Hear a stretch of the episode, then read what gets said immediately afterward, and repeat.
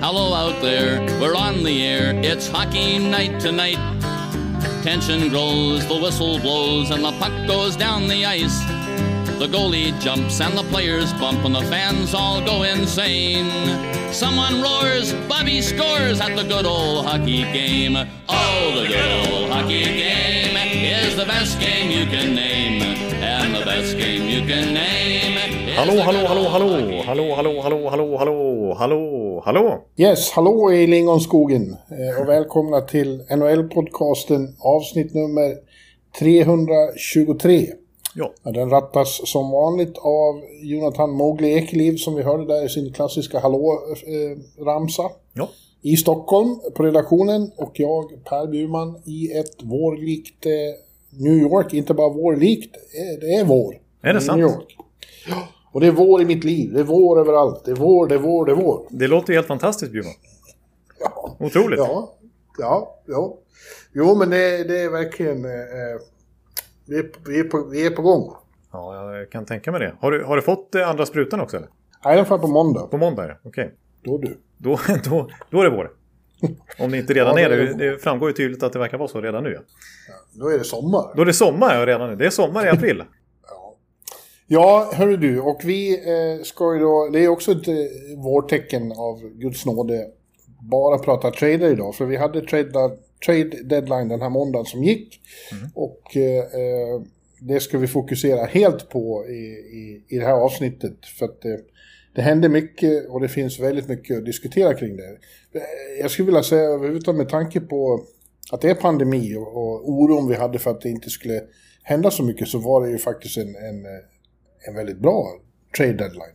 Ja, det skulle jag vilja säga också. Visst, eh, jag tror att det var minst antal trader på åtta år på själva trade deadline. Men då räknar man ju inte in vad som hände under helgen också. För det smällde ju till en hel del kvällen innan också. Ja, men då, det var ändå känslan att det hände mycket. För jag vet att vi har suttit några år när man har suttit helt snopet och tänkt vad fan, jaha, inget av de stora namnen eh, rör på sig. Nej, precis. Men man hade kanske lite mer begränsade förväntningar nu också för att man tänkte just det har varit så mycket brasklappar inför den här trade deadline och, och tänk på ekonomin och det finns inget utrymme och plats och hit och dit. Men så ändå, ja, jag håller med dig. Det var ja, hela den här trade weeken som sagt när det, började med Lula Muriello som vi hann med i förra veckans avsnitt. Det, liksom, det kickade Ja. igång någonting och det blev en ändå en liten dominoeffekt eh, bland contenderlagen.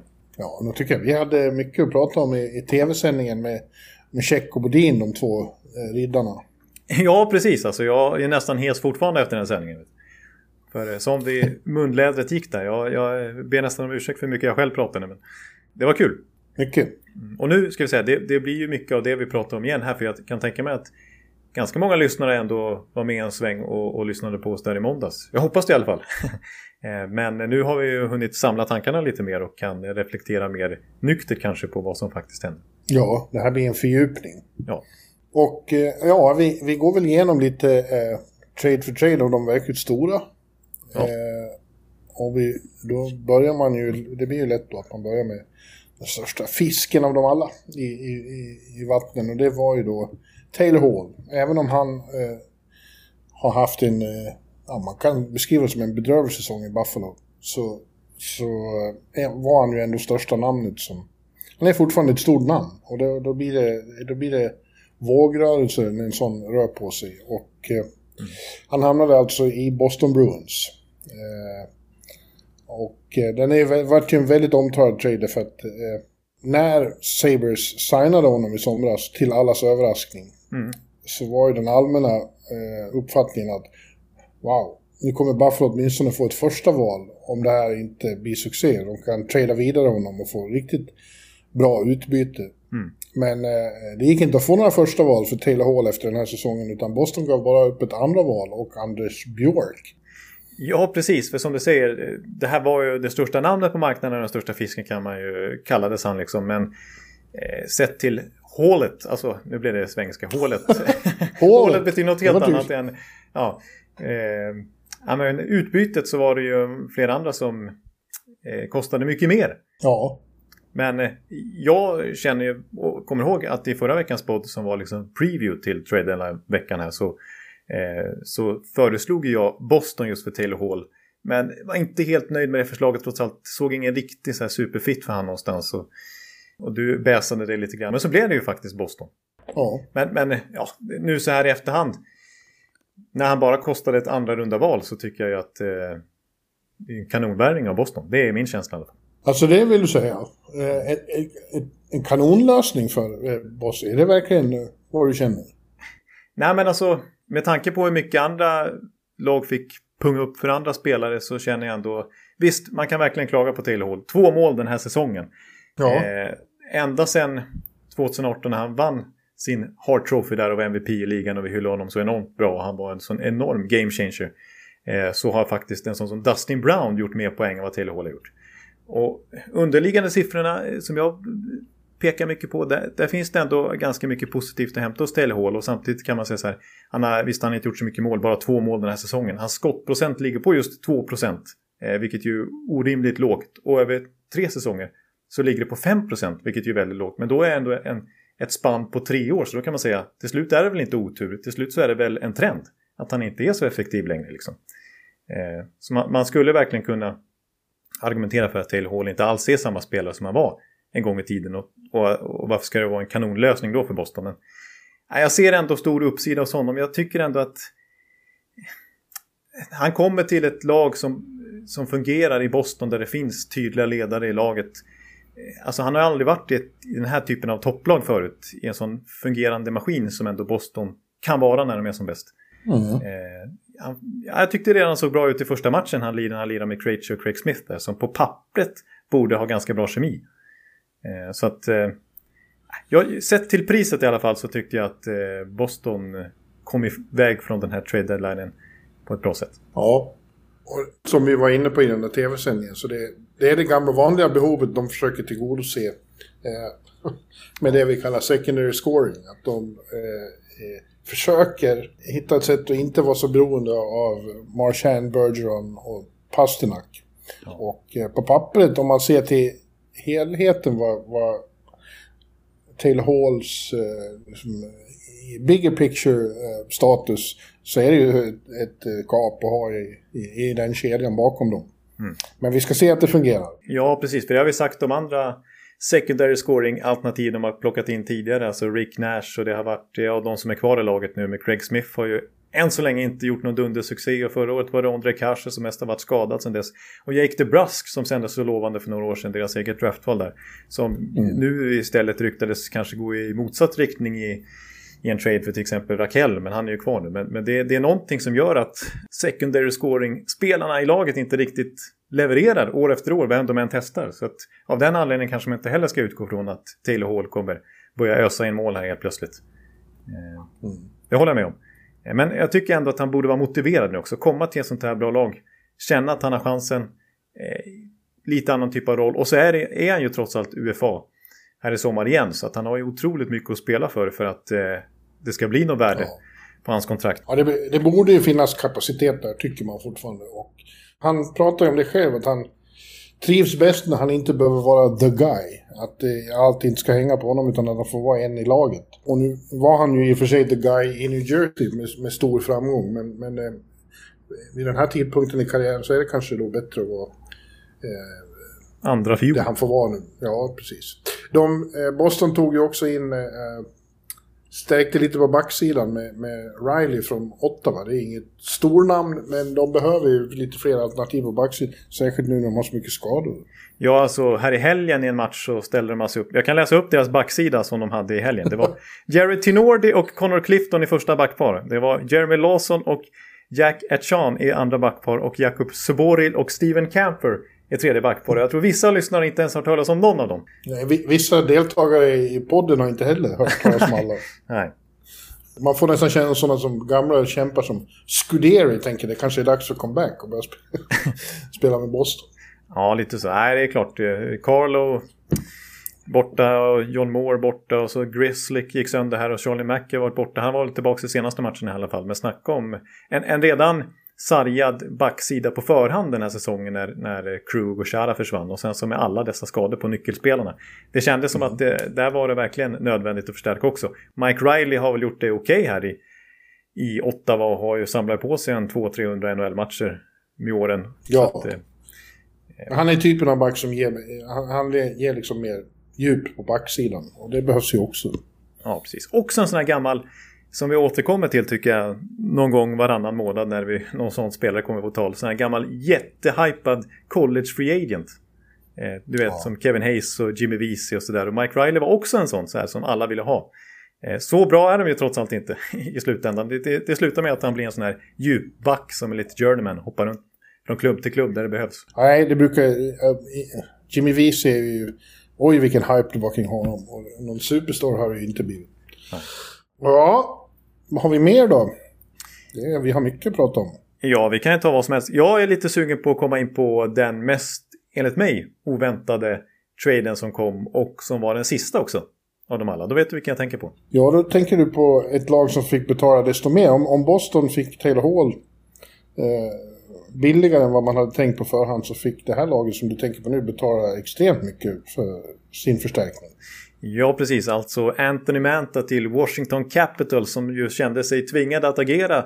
Dels när Boston hade tagit in Hall, när eh, Islanders som vi pratade om förra veckan tog in Kyle Palmieri och Travis Sajak. Och så kanske vi kommer in på att Pittsburgh tog in Jeff Carter. Alla slutspelslagen där i East-divisionen agerade. De väntade bara på att Washington skulle göra någonting. Och som du säger, de fick pynta rejält. De fick alltså offra Jakub Vrana, Richard Panik, ett första runda val och ett andra runda val för Anthony Manta från Detroit. Ja, det hade man inte trott att han skulle generera. Det känns mer som en, liksom en, en eh, nästan Matthews skulle kosta det. ja, nej, men det, det, nej, det kändes ju inte som en som Manta-priset man hade sett på förhand. Sen ska vi lägga till då att, att eh, tycker jag är viktigt att poängtera att Richard Panik i det här läget har ett negativt värde. Eftersom att han har nästan 3 miljoner dollar i lön i ytterligare två år till. Har inte alls fått det att funka. I Washington var ju till och med helt till scratch. Eller har varit det ganska mycket den här säsongen. Eh, och liksom en stoppkloss för dem lönetaksmatematiskt här. Så att Detroit tar emot panik gjorde att de i sin tur behövde få ett andra val, eller till och med ett första runda val av de här valen som inkluderades eh, för att liksom ta emot hans kontrakt. Så som sagt, han har negativt värde. Men att det dessutom skulle kosta Jakub Vrana och ytterligare ett pick Mm. Det är ah, mycket. Ja, det är väldigt mycket. Men samtidigt det känns ändå som att båda två är lite vinnare i den här traden. Eh, mm. Detroit av givna skäl. Nu har Manta varit, Manta har varit ett, ett, ett, tungt namn där, men han har haft, det, haft svårt att göra sig rättvisa. Det är ju svårt i ett, i ett eh, lag som befinner sig i, den, i det skede de befinner sig i. Väldigt längst ner i, i, i förnyelseprocessen. Mm. Uh, men samtidigt har ju, tror jag, väldigt mycket kapacitet. Och det visade han ju direkt i första matchen med, med Caps när de slog Flyers med 6-1 igår. Han stod för både mål och assist. Det var, var riktigt eh, snyggt mål. Han bara åker in och ja. på Ovechkin Magner i princip bara dunkar iväg, en, eller snärtar iväg snarare ett handledsskott rakt upp i krysset. Ja, men människan får plötsligt spela med Oshie och Beckis. Efter de här åren, senaste åren i Detroit måste ju det kännas som och byta en, en PV 1800 mot en Ferrari. ja, precis. Att, eh, exakt, verkligen. Och det... Ja. Alltså. Heter heter det, P1800 heter det Vi ska inte låtsas förstås på bilar här. Jag ber om ursäkt Nej. alla motorintresserade lyssnare. Ja, jag, jag brukar få höra om mig att det, det luktar inte direkt motorolja under naglarna hos mig. Det brukar folk säga. Nej, det gör det inte.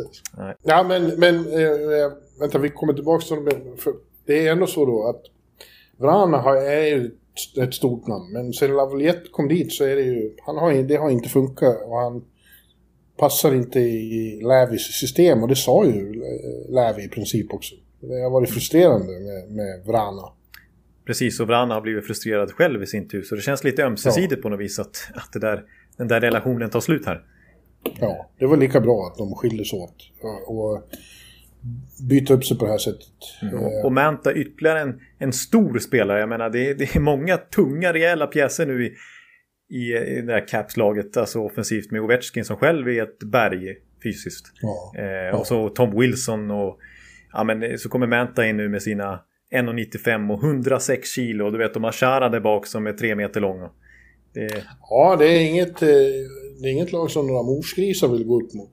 Nej, Nej, det är typiskt Laviolette-hockey känns det som. Och jag har varit inne på det hundra gånger tror jag i podden. Eh, just att man tog in Laviolette för att han är bra på att få fart på lagen direkt och få snabba resultat. Och hans uppgift här med det här ganska gamla Caps-laget som inte har så många gånger kvar på sig i det här fönstret att vinna ytterligare en Stanley Cup måste få resultat direkt och då känns det som att Manta är trots allt nog en uppgradering mot Verana på kort sikt. Det tycker jag absolut. Ja, det tycker jag också.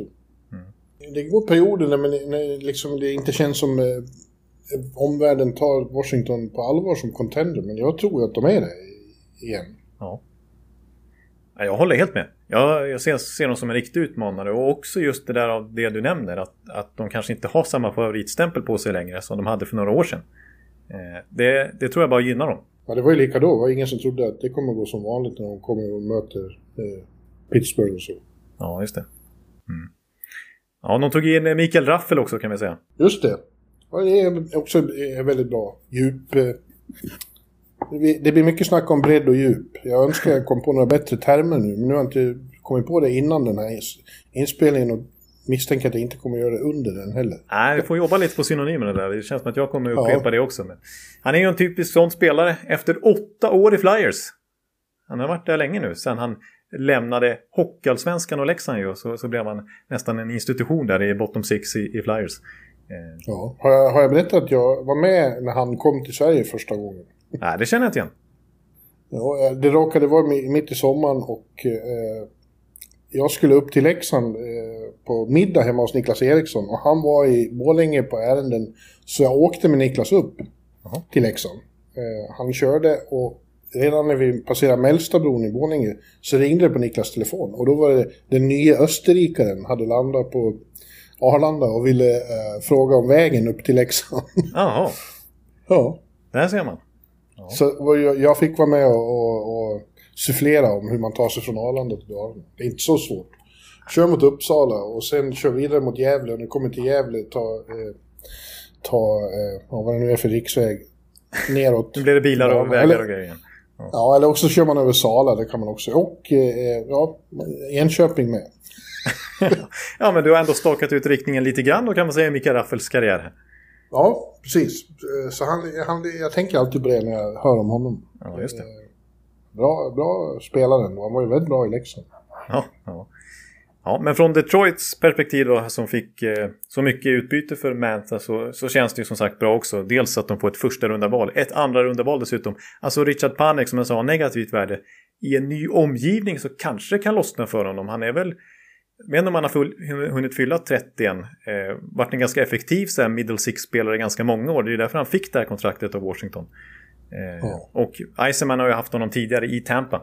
Men vilken ränksmidare han är, Iceman. Han är jävligt skicklig på, i den här rollen som GM. Han är lika skicklig som han var på att dirigera spelet på isen. Ja. Man undrar hur de här samtalen går till när han ringer för att han är... Om ja. han liksom har sagt, alltså hur mycket han måste ha hypat Manta då. Ja. Eh, för att få loss så här mycket. Att ja, men, men liksom, ja, alltså Vrana vill vi ha, men, men du vet Manta han är, han, är, han är större än vad Vrana är och han, är, han har ju trots allt några år till på kontraktet så det är ingen panik för oss att trada honom. Så ni får eh, minsann hosta upp lite mer. Och ett första runda val ska vi, äh, vi vill också ha ett andra runda val om vi ska ha Richard Panik kontrakt. Och, och, till slut så orkar jag inte McLellan längre. Okej, okay, du får allt vad du vill ha. Ja, men han har ju... Eh, han sitter ju med leverage som det heter eftersom Washington var lite piskade att göra någonting. Precis.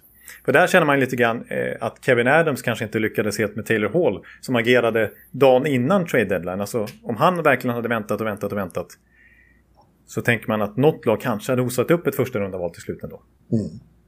Ja, men han, eh, han, har ju, han har ju gjort bra dealer även med andra som vi kommer in på här. Eh, Ja. Han är... Eh, om några år kommer Detroit att vara någonting att, att bita i igen. Absolut, och det, det ska bli spännande att, att följa Vrana i en större roll. För jag antar att han kommer anförtro större, större uppgifter här i Detroit och tvingas väl till det också. så att, eh, jag menar, rent poängsnittmässigt så är han ju jämn med Mantha redan nu i karriären och sett till speltid, alltså point per 60 minutes, Eh, han spelar ju mindre än vad Manta har gjort i Detroit så, så är han ju klart högre också. Så att det kan bli en sån här Burakovsky-utveckling på honom. När, när han liksom lämnade den här oklara rollen i Washington och fick lite mer förtroende i Colorado och fick ett miljöombyte så liksom växlade han ju upp och jag tror att detsamma kan hända med Vrana. Ja, absolut. Kanske han får en ny tränare snart också. Jag läste precis att Blashills kontrakt går ut nu och han och Stevie ska träffas och prata och jag tror att eh, Iceman definitivt har någon annan eh, i bakhuvudet han vill, han vill se växla upp den här eh, reno renoveringen. Ja, precis. Nej, det känns som att Blashill är inte tillräckligt vass namn. Han var lite hypad i organisationen att ha gjort det så bra i AHL där eh, och med Grand Rapids som vann hela Calder Cup en gång i tiden. Men eh, nej, det krävs något annat. Ja. Mm. Ja. Nu hostar jag lite, hör du? Ja, nu hostar jag är sjuk. Jag är sjuk, Jonathan. Nej, Nej det tror jag inte. Nej, det tror jag inte. Nej, du, du är ju vaccinerad. Ja, jag, är, jag bara en morot i thirst-drippen. Ja. ja. Vilken eh, trade vill du ge dig på nu då? Vi har många kvar. Ja, jag tyckte när vi började prata om att det var enklare att ta lag för lag, men du insisterar på att det är mycket roligare att ta trade för trade. Ja, jag var trade jag för kom... trade-sidan då. Men eh, jag kommer eh, ändå ta ett lag nu mer än ett eh, enskild trade och det är Toronto. Mm. Eh, gick ju redan innan själva trade deadline in hårt och kvällen före och helgen före. Mm. Så tog de Nick Folino från, eh, eller tog, bytte till sig Nick Folino från Columbus mm. och David Rittich från, från eh, Calgary. Just det. Eh, plus ytterligare några komplement Ben Hutton bland annat. Eh, mm. Vad säger vi om det, Jonathan? Det känns som att eh, framförallt eh, Folino är en sån här... Eh, ett komplement. Eh, en sån som känns som en... Som kommer in med ännu mer karaktär. Eh, och rutin samtidigt som han har spelat länge utan att få vara i närheten att vinna någonting. Och rimligen är väldigt hungrig och, och kan få en... Liksom, kommer med ett jävla driv därför också. Ja, precis. Och jag tycker väl att det här traden ytterligare förstärkte bilden av att eh, Toronto eh, försöker kopiera Tampa Bay lite grann. Ja, exakt. Eh, de, vill, de vill få sin egen eh, Goodrow-kedja. Ja, precis. Och, och tar in liksom grit och karaktär och liksom den, den stilen snarare än skill som Dubas alltid har prioriterat tidigare. Det är inte så att Foligno...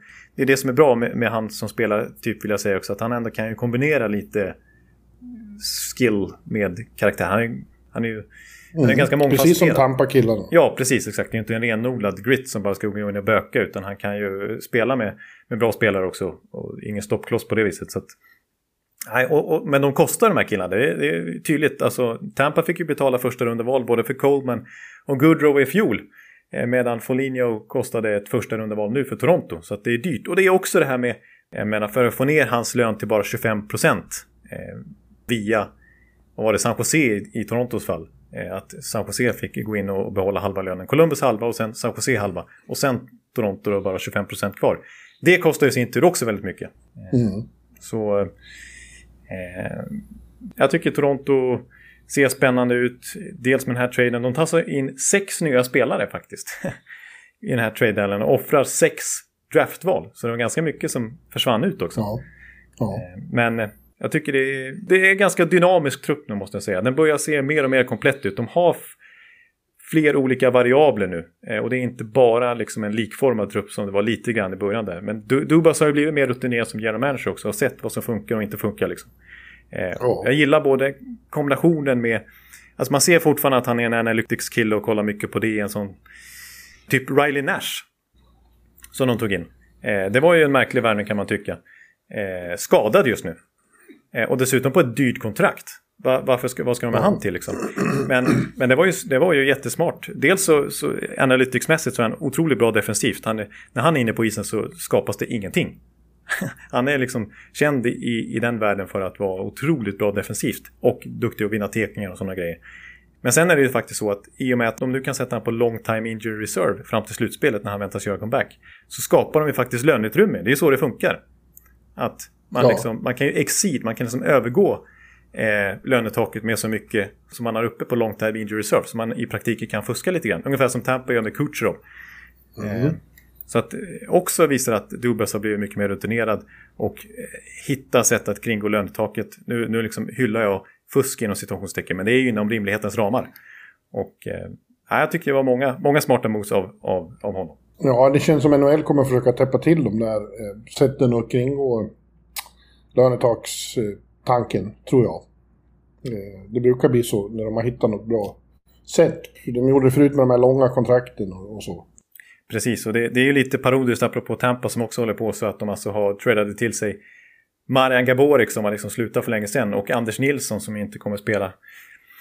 Ja, jag vet inte när han kan göra comeback egentligen. Bara för det här fusket att sätta dem på long time in reserve och på det viset kunna övergå lönetaket. Det är, ju, det är ju inte så det ska fungera. Det är inte tanken. Nej, verkligen inte. Men du, eh, Rittich också, det är lika där. De har fler alternativ på målvaktssidan nu. Om, om dansken eh, går sönder eller är i form eh, så finns det fler alternativ än, än Campbell och Hutchins. Eh, Rittich är bra och fick... Eh, eh, ja, nu fick han kvällen förstörd av sina gamla lagkamrater i första matchen då, men, men ändå. det är också ett, ett bra komplement och få ha mycket djup på målvaktssidan. Ja, precis. För att även om Jack Campbell har gjort sån enorm succé här och knappt förlorat en match så har ju han också haft skadeproblem den här säsongen tidigare. Så mm. det känns ju bra att de har säkrat upp lite grann där. Det var ju lite pikant att eh, han fick reda på traden när han var i Calgary, Rittich. Och så fick han ju följa med sina då gamla lagkamrater till Toronto och spela matchen. Ja. eh, ja. Men det tyckte jag också, tänkte jag också på, det sa jag redan i livesändningen. Att en annan trend som jag tycker både Rittich och Foligno symboliserar är att liksom, har man spelat riktigt bra mot ett topplag så har vi sett hur det topplaget i sin tur har värvat en. Alltså, jag tänker till exempel på Foligno var ju väldigt bra mot Toronto i bubblan i slutspelet i fjol och kommer nu till Toronto. Rittich var den första Calgary-målvakten på 44 år att hålla nollan i Toronto som Calgary-keeper. Vi såg eh, Tampa till David Savard som har varit väldigt, väldigt bra mot dem. Jag rabblade, rabblade upp ännu fler exempel i livesändningen, men det, det, det är ju tydligt att... Ja, du, du, du tror att man bygger bara på det, att man har sett dem eh, själv, vad de gör. Nej, men, men det, det, bygger naturligtvis inte bara på det, men, men har man gjort väldigt bra intryck framför en general manager i ett topplag där så, så har vi sett att det kan, eh, det kan ge effekt. Ja. Eh, en annan som eh, ju kvalar in i den eh, eh, trenden Mm. Och jag vet att du sa att du, du, vill ta svenskarna för sig, men det tycker inte jag. Att, utan nu, Nej, nu tar vi en av de stora traderna. Ja. ja, ja, precis. En av de stora traderna var ju också då Mattias Janmark. Han var ju ett stort namn inför eh, deadline. Ja. Eh, och i Chicago var det ju verkligen sellers eh, innan deadline. Och eh, det slutade alltså med att eh, Jana gick till eh, via San Jose, en sån där trelagstrade och hamnade i, i Vegas som inte heller har något eh, manöverutrymme under, under lönetaket men lyckades med det här ändå. Precis. Och få in eh, Jana. Han var ju bra mot dem när Dallas eh, slog ut eh, Vegas eh, i, senaste slutspelet. Han är ju en väldigt, väldigt användbar eh, pjäs, Jan Mark. Precis. Eh, men men där, i hans fall så tycker jag också att där har vi ytterligare ett exempel på vad löneutrymme kostar igen. Alltså han är dyrare än vad Taylor Hall var kan man nästan säga. I alla fall liknande ja. pris. Eh, och ja. på förhand tycker man ju att en sån som Taylor Hall borde kosta mer än vad Jarmark gör. Men han kostar alltså ett andra runda val, ett tredje runda val och ett femte runda val till San Jose för att de ska ta emot lite lön. Så de fick ju verkligen pynta för att eh, få dit Jarmark. Mm. Men jag tror att eh, han är definitivt ett värdefullt eh, eh, liksom nytillskott där. Kommer att göra väldigt nytta för, för Knights. Som eh, ju verkligen är en contender. Precis. Och de kände väl också att de också behövde agera lite grann när många konkurrenter till exempel. Colorado gjorde ju inget stort, vi kommer in på dem, men, men de gjorde en del i alla fall. Ja, det gjorde de. Ändå hänga med lite i kapprustningen. Sen får vi se hur, hur Vegas kommer använda Janmark för att han kan ju spela center också. Han har ju spelat mycket ytterforward de senaste åren. Men eh, de har ju lite... den svagaste lagdelen är väl ändå centersidan ju. Eh, mm. Och de vet inte riktigt hur de ska göra med 3D-centern där. Nu är det väl Thomas Nosek som är inne där som alltid har spelat ytterforward annars i Vegas. Eh, och Cody Glass, den här unga, deras första draftval i hela organisationens historia, har väl inte riktigt tagit klivet än för att de ska kunna lita på honom så mycket som de hade hoppats på.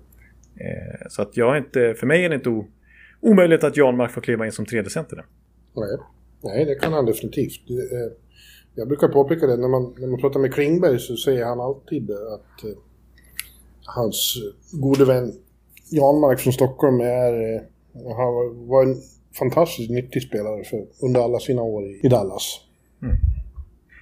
Att han äh, gör saker som, ingen, som de flesta inte ser men som är extremt viktiga. Alla, alla små detaljer gör han rätt och så. Mm. Men han kan ju också, när han kommer in i riktiga stim så kan han producera väldigt mycket.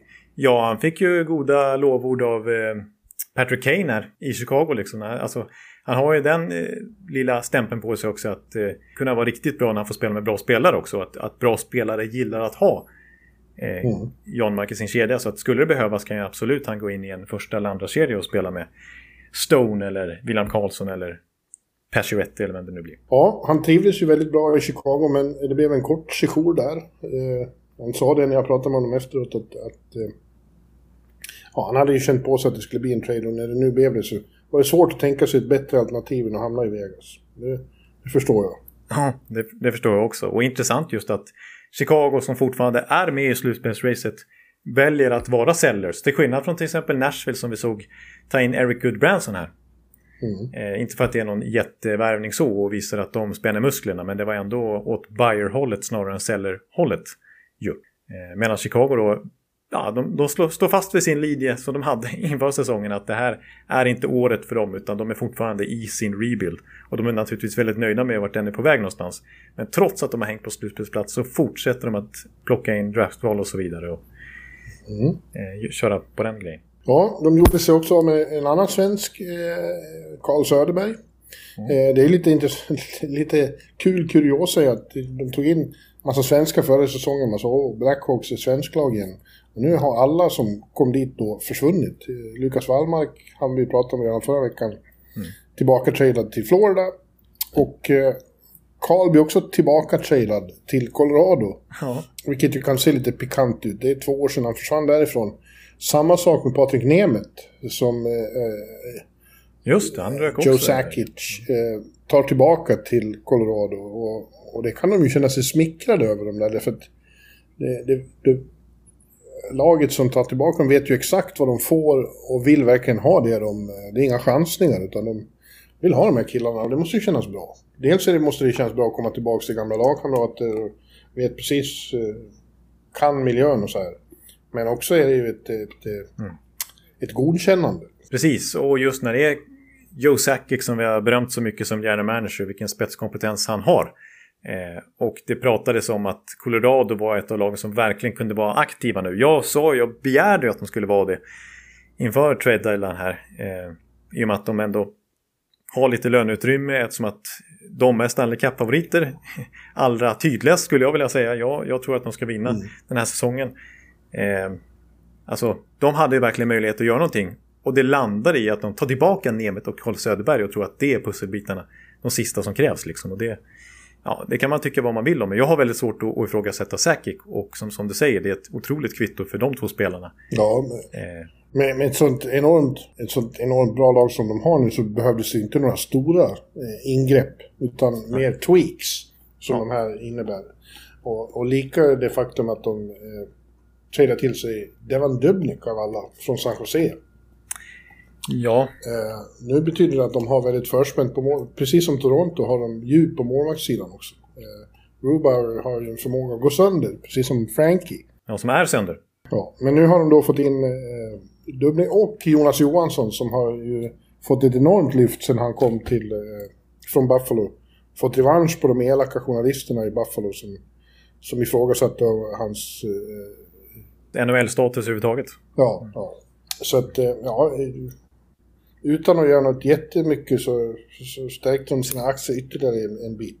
Det gjorde de. Ja, typiskt säkerhetsvärvningar och, och, som sagt jag ska sluta klaga på honom nu för att han inte gör de här stora grejerna som jag ser framför mig att han ska göra utan han gör de här tweaksen istället. Och lita på sin Vad är det du vill att han ska göra för stort? Nej men det finns ju, de har haft utrymme liksom i somras så, så tänkte jag att de hade ju möjlighet att gå efter en sån som Taylor Hall till exempel. Ja, det, det var ju coolt inte. Ja, de gjorde inte det utan de tog in Brandon Saad istället. Ja, mycket coolt. Mm. För det är den typen av spelare de behövde i hierarkin. Liksom. Ja. ja. Nu är, när vi är inne på svenskar, ska vi ta eh, nämna Erik Gustafsson också? Ja, mm. han eh, kommer då till eh, Montreal från Philadelphia. Det vart väl rätt så uppenbart efter ett tag att eh, de skulle komma och, och trada Erik. Eh, det blev ju inte någon succé i Philadelphia. Det började bra, men sen så eh, passade han inte riktigt in i, i, i, planen där. Som, som ersättare för Niskanen var det inte så lyckat. Nej, han, är, han är inte tillräckligt bra defensivt för det. Nej, precis. Och, nej, jag, jag, jag har ju ifrågasatt den värvningen från start. Jag har inte ifrågasatt Erik Gustafsson. Jag har ifrågasatt Chuck Fletchers eh, val av backtyp att ta in ja. eh, när Niskanen försvann. Eh, och det blev ju ingen succé liksom. Och Erik Gustafsson själv såg väl gärna en trade verkar som. Vart helt i scratch eh, flera veckor nu innan traden. Och, ja. Eh, ja, ja, däremot så ser jag väl ingen superfit heller i Montreal om jag ska vara ärlig. Eh. Nej, det är lite speciellt att uh, Bergevin har tagit in så otroligt mycket backar. De, uh, jag såg någon på, på tv-sändningarna som jämförde det här med det här som jag spelade på 80-talet. Att uh, de rika lagen kom åkande med 28-29 spelare. Det fanns ingen gräns då för hur stor rosten fick vara. Ja, just det. Så de rika lagen hade, hade med sig hela jävla eh, NFL-lag? ja, som de kunde välja och vraka inför matchdagar. och lite ser det så ut nu igen där. Ja, precis. Som du säger, John Merrill också från Detroit. Eh, men eh, Gustafssons stora styrka det är ju offensivt och det är framförallt när han får en stor roll i PP. Och där har de ju redan Jeff Petrie som gör sitt livs säsong och Skugga Hedman i toppen av backarnas poängliga. Eh, och så har de Shea Webbers slägga som de kan använda i PP också. Eh, och mm. de har ju spännande Romanov där, ryssen som har kommit över. Så jag, jag, ser liksom inte varför de ska in en till PP-back riktigt. Eh, det är klart och, och, alltid en lyx att ha eh, lite försäkring liksom. Men eh, ja, det kostar ju bara ett sjunde runda val dessutom. Du, jag vill påpeka en sak för Victor Hedman leder inte längre backarnas poängliga. Det gör Adam Fox. Adam Fox har gått förbi nu, han som vi pratade om så mycket förra veckan. Ja, mm. ja och eh, Petri har ju varit skadad slutet så han har halkat ner på, han är på nionde plats. Så han skuggar minsann inte någon. Nej, okej okay då. det är Fox, Hedman, Karlsson, Barry, Letang i topp. Ja. Fox kommer att vara en Norris Trophy-kandidat. Ja, det, det, det, men det, det slog vi fast redan förra veckan. Det är ingen snack om saken. Du kallar honom den bästa backen i Rangers än Brian Leach redan nu. Ja. Och jag menar, det är väl bara att stryka under. Ja, eh. precis. Stryk under det Johan. Jag gör det, jag gör det. Jag antecknar här nu. Så, Anna Fox, North Trophy, smack. ja.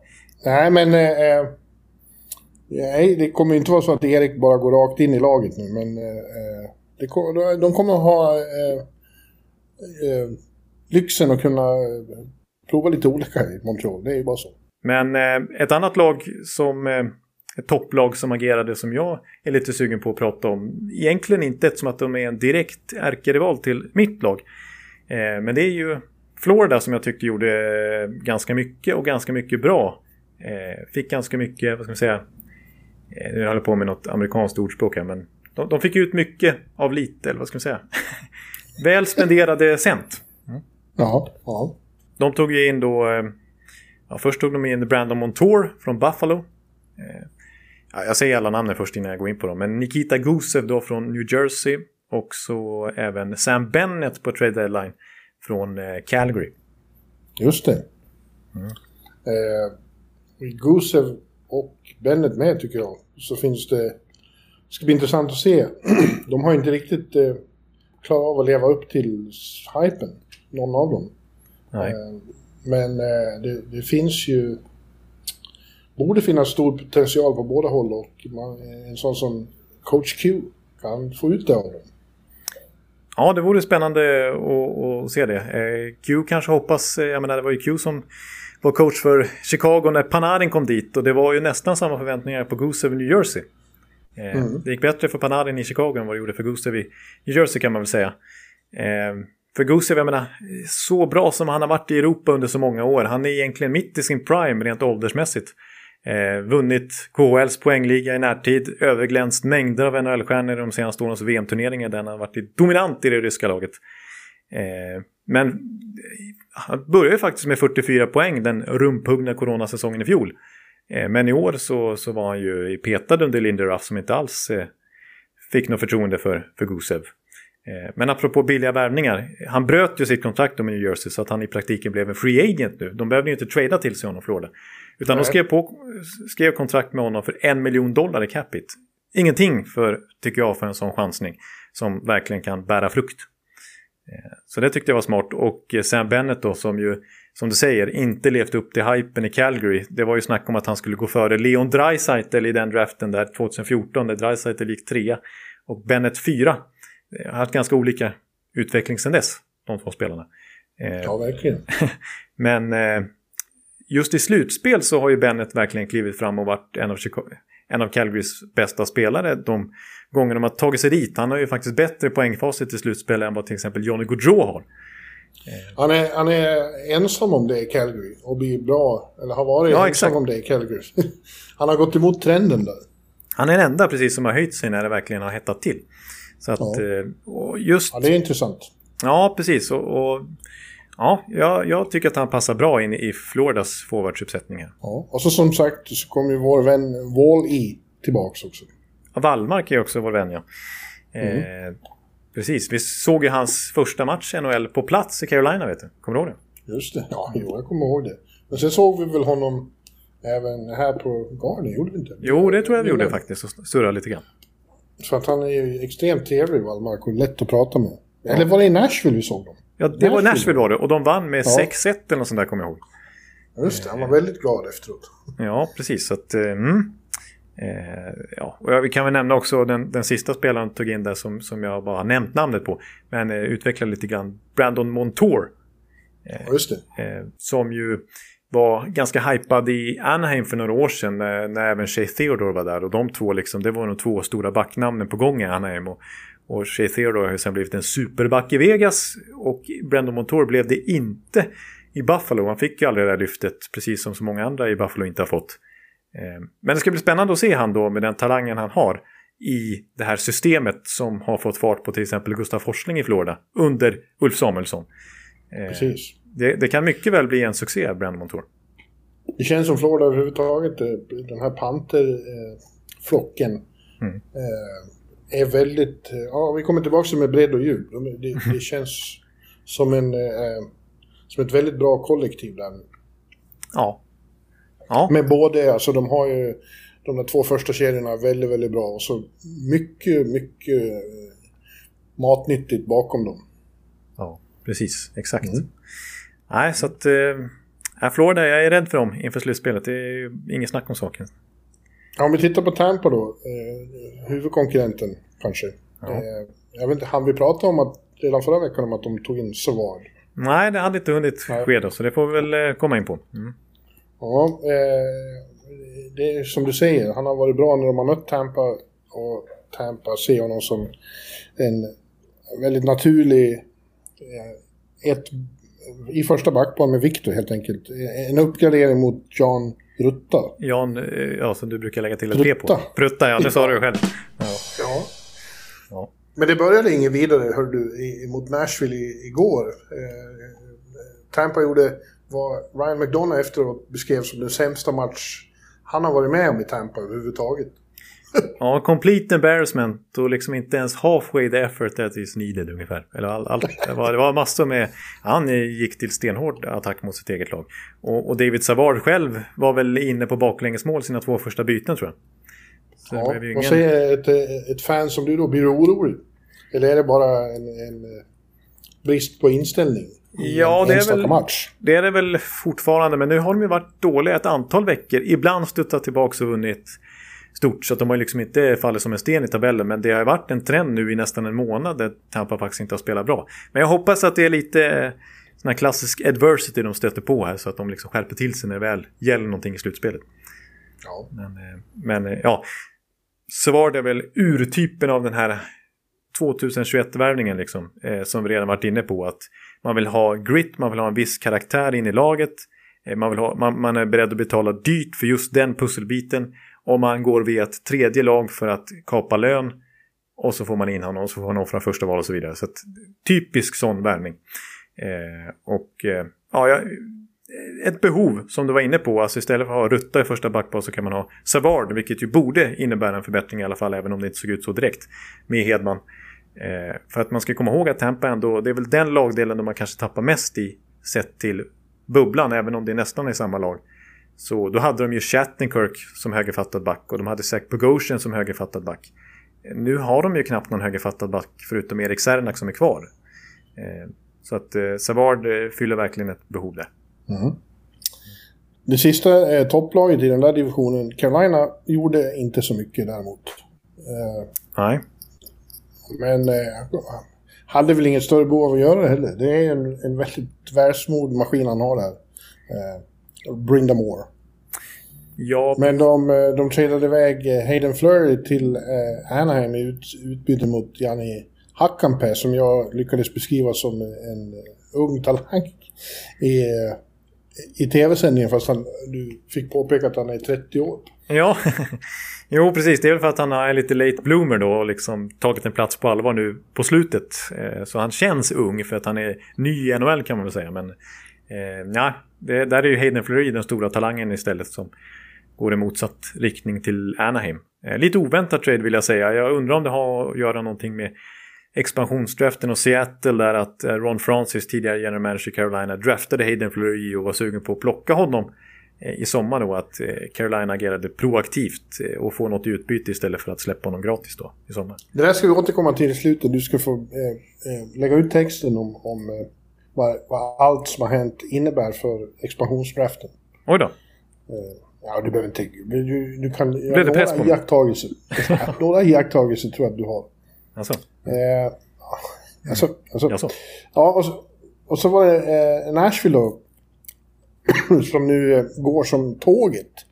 Usch, nu satt jag halsen. Nu var det på riktigt. Nu var moroten hela vägen ner. Ja, jag, jag, jag råkade säga snus, jag ber om ursäkt. Jaha, det är så pass. Oj då. Ja. Eh, de, eh, det var intressant med Nashville för att det var ju så mycket snack om att nästan alla kunde bli tradade därifrån ett tag och så blir ingen tradad utan tvärtom. Eh, de tar in eh, Gudbranson som du redan har nämnt, ingen, inget supernamn, tvärtom. Eh, men det visar ändå att de bestämde sig för markering om att de var köpare och med all rätt. Alltså, vad skulle, varför, jag, jag- var förvånad att det fortsatte prata så mycket om Ekholm till exempel eh, i måndags. Eh, han har ju varit en av deras absolut bästa spelare. Mm. och jag är väldigt imponerad av vad Nashville gör, för de har mycket tunga skador. Filip är fortfarande skadad till exempel. Och, och, och gör sån här succé. Eh, vi var väl vana väl för det redan förra veckan, att det kommer inte bli något kul att möta Nashville i första omgången. Nej, det fick ju Tampa erfara nu i den senaste matchen här när de åkte på dyngpisk. Och eh, Dyngpisk. dyngpiska. Och må många lag har åkt på, på, på pisk här mot, mot Nashville som sagt på slutet. Eh, på sina senaste 16 matcher har de 13 vinster. Ja. Så att de är ju formstarkast i hela divisionen där faktiskt just nu. Och, och visst, vi pratade om dem mycket förra veckan. Gick in på detaljnivå där med Jussi Saros fantastiska utveckling helt plötsligt här den här säsongen. Och eh, ja, att, att de har ändå fått tillbaka lite från skadelistan där nu. Roman Josi har varit tillbaka ett tag och varit betydligt bättre än, än man var innan skadad. Och Ryan Ellis är tillbaka nu också. Viktor Arvidsson har ju kommit igång också. Verkligen. Så eh, nej, de, det är verkligen, det, det stryker vi under också. Jag tar fram pennan igen. Att eh, Nashville blir, blir, blir riktigt farliga. För man, det är som vi har sagt och varit inne på hela säsongen. Att det är de där tre lagen, Florida, Carolina, Tampa, som gör upp om att gå vidare från den här divisionen och vidare till konferensfinal. Men, men Nashville kan bli riktigt eh, jobbiga att tas med i första rundan. Ja. ja. Är du en, en, en trade som, ja, du nämnde den i förbigående i början här, men som eh, det inte pratas så mycket om är ju att Jeff Carter, Pittsburgh tradade till sig Jeff Carter från LA för in en riktig, en riktig gammal eh, räv. Ja, jag fick också upp ordet räv i, i skallen. Eh, Han har varit med väldigt länge. Började karriären i, i Pittsburghs eh, värsta rival, Philadelphia. Mm, Sen kort sväng i Columbus och sen var det och vunnit två Stanley Cup med LA Kings. Eh, Det känns, eh, tycker jag, som en bra... Det är i och för sig en väldigt typisk eh, Brian Burke och eh, Ron Hextall eh, trade. ja, lite old school.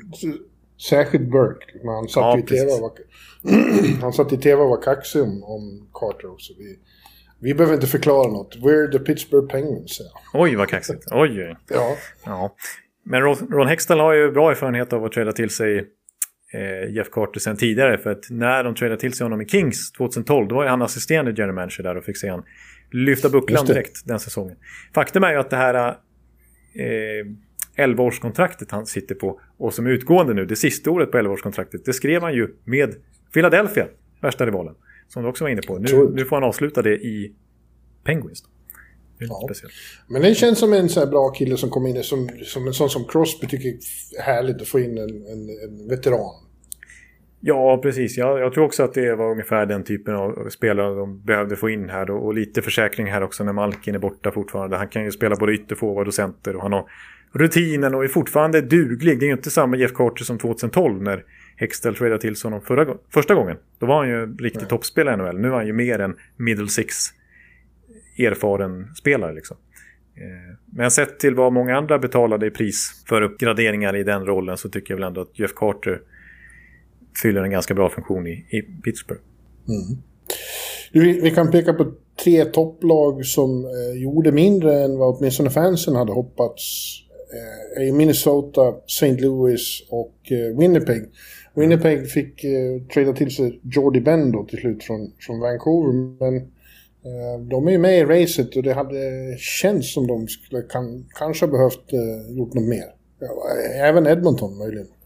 Ja, båda de lagen. Och framförallt var jag nog besviken på, på Winnipeg sett till mina förväntningar. Eh, de ryckte ju väldigt mycket i Ekholm sades det och vi snackade förra veckan om att de till och med hade en trade nästan klar med Nashville då för någon månad sedan när de fortfarande var celler. Men de inte ville mm. Eh, släppa Heinola och, och tackade nej då. Men slutade till slut med Jordy Ben. Och visst, det är en okej okay, just djup och breddback, de här orden vi återkommer till. Men det var inte den här riktiga riktiga skillnaden man hoppades att de skulle få in på backsidan. Liksom. Nej, och, verkligen inte. Och Edmonton håller jag med om också. Eh, där Ken Holland har fått en del kritik här i veckan för att eh, han sa att ja, man måste pick and choose vilka år man ska gå för det och det här är inte ett sånt år för oss. Och samtidigt sitter han då på två av världens bästa spelare i sin absoluta prime och tycker att det inte är riktigt värt att gå för det i år. Nej, det är mycket konstigt. Ja. Eh. Kasta iväg ett år till med dem innan, innan det ska liksom riktigt vara läge tycker jag nog. Du, du, en sån kommentar skulle vara mer rimlig från eh, Minnesotas håll som ju har ja.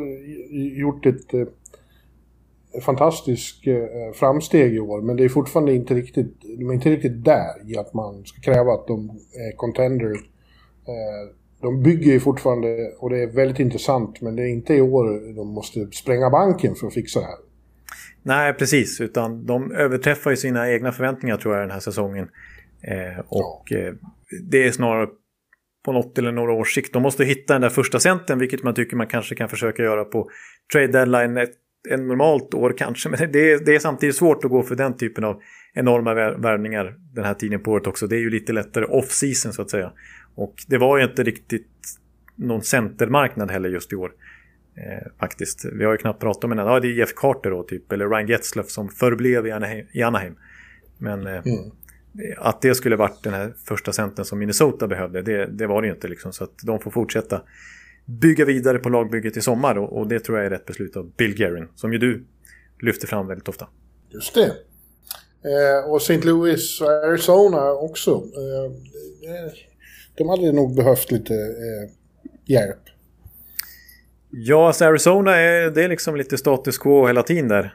Eh, det var rörigt inför säsongen men man, men de är fortfarande liksom habila i år, rent på isen i alla fall. Det, det där är i alla fall habilt i Arizonas organisation.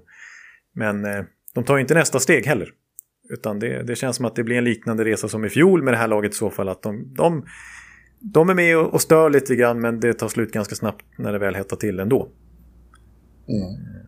Och St. Louis, speciellt, speciell situation för dem. De ser sig själva som en contender, det gjorde i alla fall inför säsongen. Och så helt plötsligt hade de en väldigt negativ trend där i mars och början av april och såg sig själva plötsligt som Seller och Mike Hoffman, floppen skulle bort och Jaden Swartz, trotjänaren, kanske skulle bort till och med.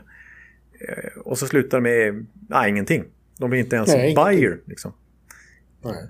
För det hade de ju kunnat varit eh, med tanke på att det här laget kostar som en, och liksom är byggt för att vinna Stanley Cup. Så, så hade de i alla fall kunnat göra någonting. Någon breddvävning eller någonting, men nej, ingenting. Om man tittar på säljarna då. Eh, winners och losers. Så Anaheim kan man konstatera att, att eh, General Manager Murray han vågar inte i år heller. Eh, eller han, han begär för mycket eh, för, för sina trotjänare. Mm. Eh, till exempel Raquello var det väldigt mycket surr kring. Eh, men eh, han blev kvar och, och, i princip alla andra blev kvar också. Ja, precis. Alltså, jag håller, håller med där att han kanske... På ett sätt kan jag förstå att om du inte får tillräckligt betalt för den typen av spelare. Det är klart att Raquel är värd ganska mycket och även Josh Manson som blev kvar. Så, så ska man ju inte bara släppa honom bara för att. Men han har en historia lite grann av att vänta för länge med sina spelare. Han väntade för länge med Corey Perry så de till slut var tvungna att köpa ut honom. Och, ja, det finns andra exempel där liksom. Eh, ja. där, där jag tycker att, att Murray inte vågat ta klivet, nästa kliv i sin rebuild liksom. Utan han har lite för, för mycket tålamod. Ja. ja. Rickard är då väldigt glad själv att vara kvar. Jag gjorde en bra... Eh, och kul att prata med honom samma kväll, sent på natten, när de hade slagit San Jose. Eh, att eh, han, han har ju varit där nio år och känner sig väldigt... Eh, han känner sig som en Southern California och en Anaheim-anka. Ja. väldigt mycket och, och, vill verkligen vara med på resan framåt, sa han, och vända på det här. Bara för att eh, det går dåligt nu så vill man inte ge upp, sa han.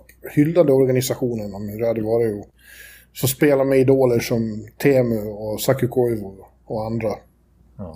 Eh, han, de har ju någon slags... Eh, de har starka känslor för sitt lag där borta ändå. Ja, en jättefin ny träningsanläggning fick de i fjol också. Så det är, det är säkert eh, fin, fina träningsmöjligheter, fantastiskt klimat. Eh, mm. gemytlig stämning där en organisation som ändå varit ganska framgångsrik. Totalt sett över tid. Så man kan förstå. Mm. Men jag är lite ändå tveksam till Bob Murrays agerande senaste åren. Ja. Mm. Eh, San Jose, eh, de vill inte riktigt gå med på att de ska vara sellers. De, de, de eh, tror ju på det här laget att de ska kunna ta sig till slutspel, men de, de är ju för ojämna just nu. Nej, precis. De utnyttjade ju sitt löneutrymme till att plocka sådana alibi-kontrakt eller betala lite lön för att få något, ja som ett broker-team som det börjar kallas nu. Det var, det, de, mm. det var deras roll den här deadlinen. Ja intressant att se ett lag som Columbus också. Det, det känns som de har liksom, luften har gått ur helt och hållet där. Visserligen, Line blev ju kvar och, och tacka för det genom att göra ett helt otroligt jävla mål i måndags. Ja, det var ju kanske säsongens mål. Ja, inte bara kanske. Vilket skulle kunna mätas. Nej, precis. Jag, jag har väl inget som, som är riktigt i den pariteten. Nej. Nej. Antagligen, det är verkligen coast to coast. Han börjar ju från han åker ju runt sin egen målbud och sen hela vägen ja. upp och så fintar bort allt och alla och så in i öppen kassa. Ja, det är nästan ett och ett halvt varv runt isen. ja, precis. Ja. Och det var någon som skämtade och sa att det där gillar inte Tortorella. Vad håller han på med? Nej. Ja. Nej, men det är typiskt Tortorella efteråt. Han, alla andra jublar och alla journalister frågar om det där. Alltså, mm, han vill inte riktigt liksom ge. Han tycker det är, är, barnsligt och töntigt att bli förtjust i snygga saker. Ja. Han är mer imponerad av någon som har täckt ett skott någonstans. Ja. Men han är också lite uppgiven. Jag tror inte Tortorella kommer att komma tillbaka. Det har vi varit inne på förut, att hans kontrakt går ut. Han satt nu på presskonferens och pratade om att eh, eh, ja, vi, vi, måste bygga om här igen. Det måste bli en nystart i Columbus. Mm. Eh, efter då alla som har försvunnit nu har försvunnit. Och, och, han, han känns som att han har tappat gnistan tycker jag.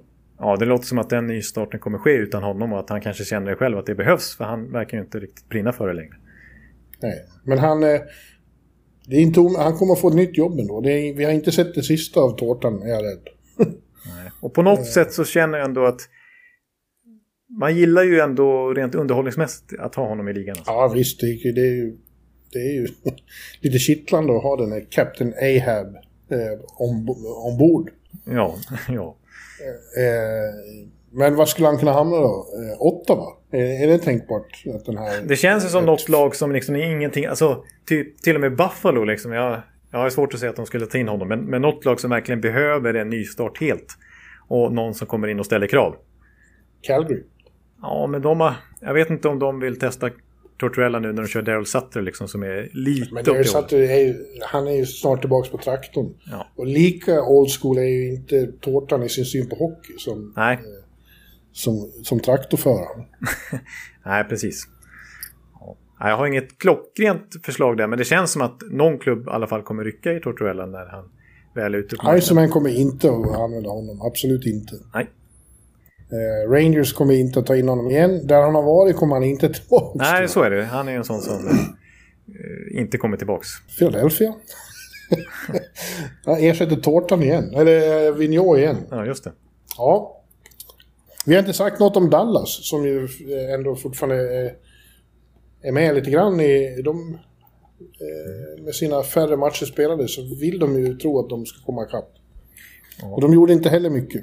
Claimade Sami Vatanen på waivers. Det var typ det de gjorde. Ja, det tycker jag i och för sig är intressant. Därför att eh, även om han har varit en liten bast nu då, sista året. Så eh, Dallas är ju ett klassiskt finskt lag. Det är väldigt mycket finländare som går bra i Dallas. Och har varit länge. Det är ju... Eh, vad hette Nokia var stora i Dallas. Så det har varit väldigt mycket finsk inslag i Texas överhuvudtaget de sista decennierna. Ja, just det. Faktiskt. Eh, och han känns som att han skulle kunna... Och har ju finländska vänner där också i Rope och Lindell och, och. Heiskanen. Mm. Ja. Ja, du kommer ihåg när vi Så var det- där och, och eh, det var så mycket finska där, vet du. Som snackades. ja. Så.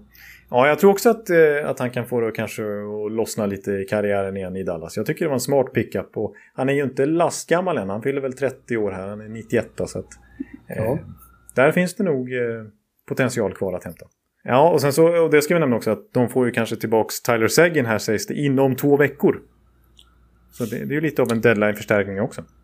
Verkligen. Verkligen. Ja. Ja. Men du, om du tittar på det jag sa då. Eh, det fanns ju i bakhuvudet såklart hos många, hos alla general managers att eh, eh, i sommar så väntar en expansion draft. Seattle Kraken Ja. eh, kliver in. Och vad, tar, vad har varit bra för dem och vad har varit dåligt för dem eh, de senaste dagarna? Ja, ja, det var ju ändå en stor fråga ändå som jag tar lite på uppstuds här. Ja, vi, Men- får, vi får återkomma till det mer djuplodande. Ja, det känns som att vi kommer ha, väl ha vår egen expansionsdraft här eh, någon gång i hyfsad närtid också kanske. Eh, där Ja. vi tittar lite grann på vilka namn som kan vara aktuella för dem. Eh, men ah, jag, jag ser att de har ett väldigt bra läge inför sommaren. Och, alltså, vi såg ju hur bra det gick för Vegas med motsvarande förutsättningar. Men jag tror inte chanserna är sämre här efter det här pandemiåret heller för, för Seattle när, när så många lag har ont om löneutrymme och måste hitta sätt för att komma under där. Det, det, det kommer Seattle verkligen kunna utnyttja i sommar tror jag. Men man säger så här på rak arm. eh, Var kommer de att hitta sin målvakt? Ja, målvaktsmarknaden är ju, är, ju, är ju inte dålig för dem. Eh, Nej. Där, det finns det I nog. synnerhet nu när så lag har, har liksom bullat upp med så många målvakter. Ja, precis. Alltså, dels kommer det nog vara en ganska bra free agent-marknad för målvakter. Men sen det faktum att, att man bara kan skydda en målvakt i expansionsdraften. Eh, Mm. det, det är ju spännande. Alltså, om det är en sån här supertydlig första keeper, det kanske är svårt att, att hitta. Men ja, jag vet inte. Eh, Ben Bishop om han blir frisk. Ja, det, ja, han har ju visserligen no movement-klausul så då är ju Khudobin ledig eller ja. Eh, Chris Dreger i Florida är ju super, liksom förmodligen eh, öppen för dem. Eh, någon av Columbus-målvakterna. Andersen. Andersen verkar inte stanna i Toronto. Någon av Arizona-målvakterna. Ja, just det. Antiranta. ja. Kraken. Ja, nej, det, det, det finns lite målvakter lite här och var. Alltså, de kan ju ta en Jaroslav Halak eller vad de vill. Alltså, det, det är ju kanske inte sexigaste alternativet. Men det finns, ja, alltså, det finns ju bra målvakter i, i 2022-lag som, som skulle kunna vara aktuella för dem. Ja. Ja. ja. Annars så Jonte, har du något annat att komma med? Ja, eh, jag har faktiskt, nu känner jag att luften gick ur mig lite grann. Jag har babblat så mycket senaste dagarna om det här vet du. Så att eh, nu tror jag nästan vi får stoppa. Nu sätter jag faktiskt för en gångs skull stopp på mig själv. Det brukar jag nästan aldrig göra. Men eh, Nej. nu får jag nog lägga av det. Ja, vi, ska, vi spelar in här, det är onsdag eftermiddag. Om faktiskt bara en halvtimme så eh, börjar en match idag. Eh. Minnesota St. Louis eh, tidigare lades på grund av eh, det oroligheter och curfew och grejer i Minneapolis och St. Paul. Eh, Så de spelar redan nu på, på eftermiddagen och sen är det en omgång till kvällen och sen imorgon ska jag tillbaks till eh, fina eh, Garden Eh, Rangers och Devils är ju inne i ett slag, Battle of Hudson River. De möts fyra gånger i rad. Just det. Det har aldrig hänt förut utanför slutspelet. Just det. Där ser man. Så det blir kul att komma tillbaka. Och sen är det matiné på Garden på lördag. Årets första matiné. Redan 12.30 ska man sitta där och, och, och gäspa. Ja, det gillar inte riktigt du. Ja, och fast det ska bli kul att gå live på, mitt på dagen, Ja, just det. tycker jag. Det förstår jag. Mm. Ja, det är något vi kan se här i Sverige också på, på en eh, kristlig tid, höll jag på att säga. Verkligen. Ja. Ja, vi kan inte flagga för den här tidiga matchen nu då, för du kommer inte hinna lägga ut det här innan St. Louis och Nej, precis. klara. Den kommer väl ut under natten här till torsdagen. Mm. Eh, Svensk tid. Ja, ja. Ja då. Vi har inte fått höra någon norska. Eh, Det tycker jag är särskilt aktuellt nu eftersom eh, du lever i ett nytt hushåll. Ja, fra eh, slutten av uken her så blir jeg sånn sambo med en norsk jente. Så det Ja. Føler jeg skikkelig eh, koselig. Har du fått fast eh, dörren? Ja, døren er tyvärr Døren er ikke fastspikret, men eh, jeg har eh, snikret opp en sånn eh, byrå. Eh, tog meg nio timer. Men eh, jeg er fornøyd. Ja. Ja, bra. Ja, det, det, det är liksom inte mycket sågspån under de här naglarna heller, som ni kanske känner. Inte den mest praktiska personen. Nej. Ja, men eh, vi, vi gläds åt detta. Eh, härligt att eh, den norsk-svenska kärleken eh, eh, blomstrar mitt under pandemi. Ja, Ja. Och eh, eh, eh, ska vi säga att vi är klara med det då? ja, men vi säger väl det. Och säger att vi hörs igen om en vecka. Och då Ja, kanske är slut på tradesnack, men då har vi mycket nytt att, att prata om. säkerligen. Och det, jag måste säga att jag tycker det går otroligt fort mellan de här inspelningarna. Plötsligt har det gått en vecka och det är dags igen. Jag tycker veckorna går så rasande fort. Ja, precis. Men det gör väl det när man har kul, som de säger. Ja, det håller jag med om. Det måste vara därför. Så att, eh, jag menar, det, det knäpper med fingrarna så sitter vi här igen och snackar. Vet. du. Ja, Till dess, precis. ha det så bra allihopa. Ja, hej då, hej! Hej! Hallå, hallå, hallå. Hallå, hallå, hallå. Alex Chiazot, Joe Luis Arena och Esposito. Esposito. Uttalsproblem, men vi tjötar ändå. Och alla kan vara lugna, inspelningsknappen är på. Bjuder Hanna Kohl, han är grym i sin roll. Från Kållesoffan har han fullständig kontroll på det som händer och sker. Det blir ju allt fler som rattar in hans blogg. Och lyssna på hans podd. One, two, times speed, so Hallå, hallå, hallå. One, two, times speed, so Hallå, hallå, hallå. Ekeliv, som är ung och har driv.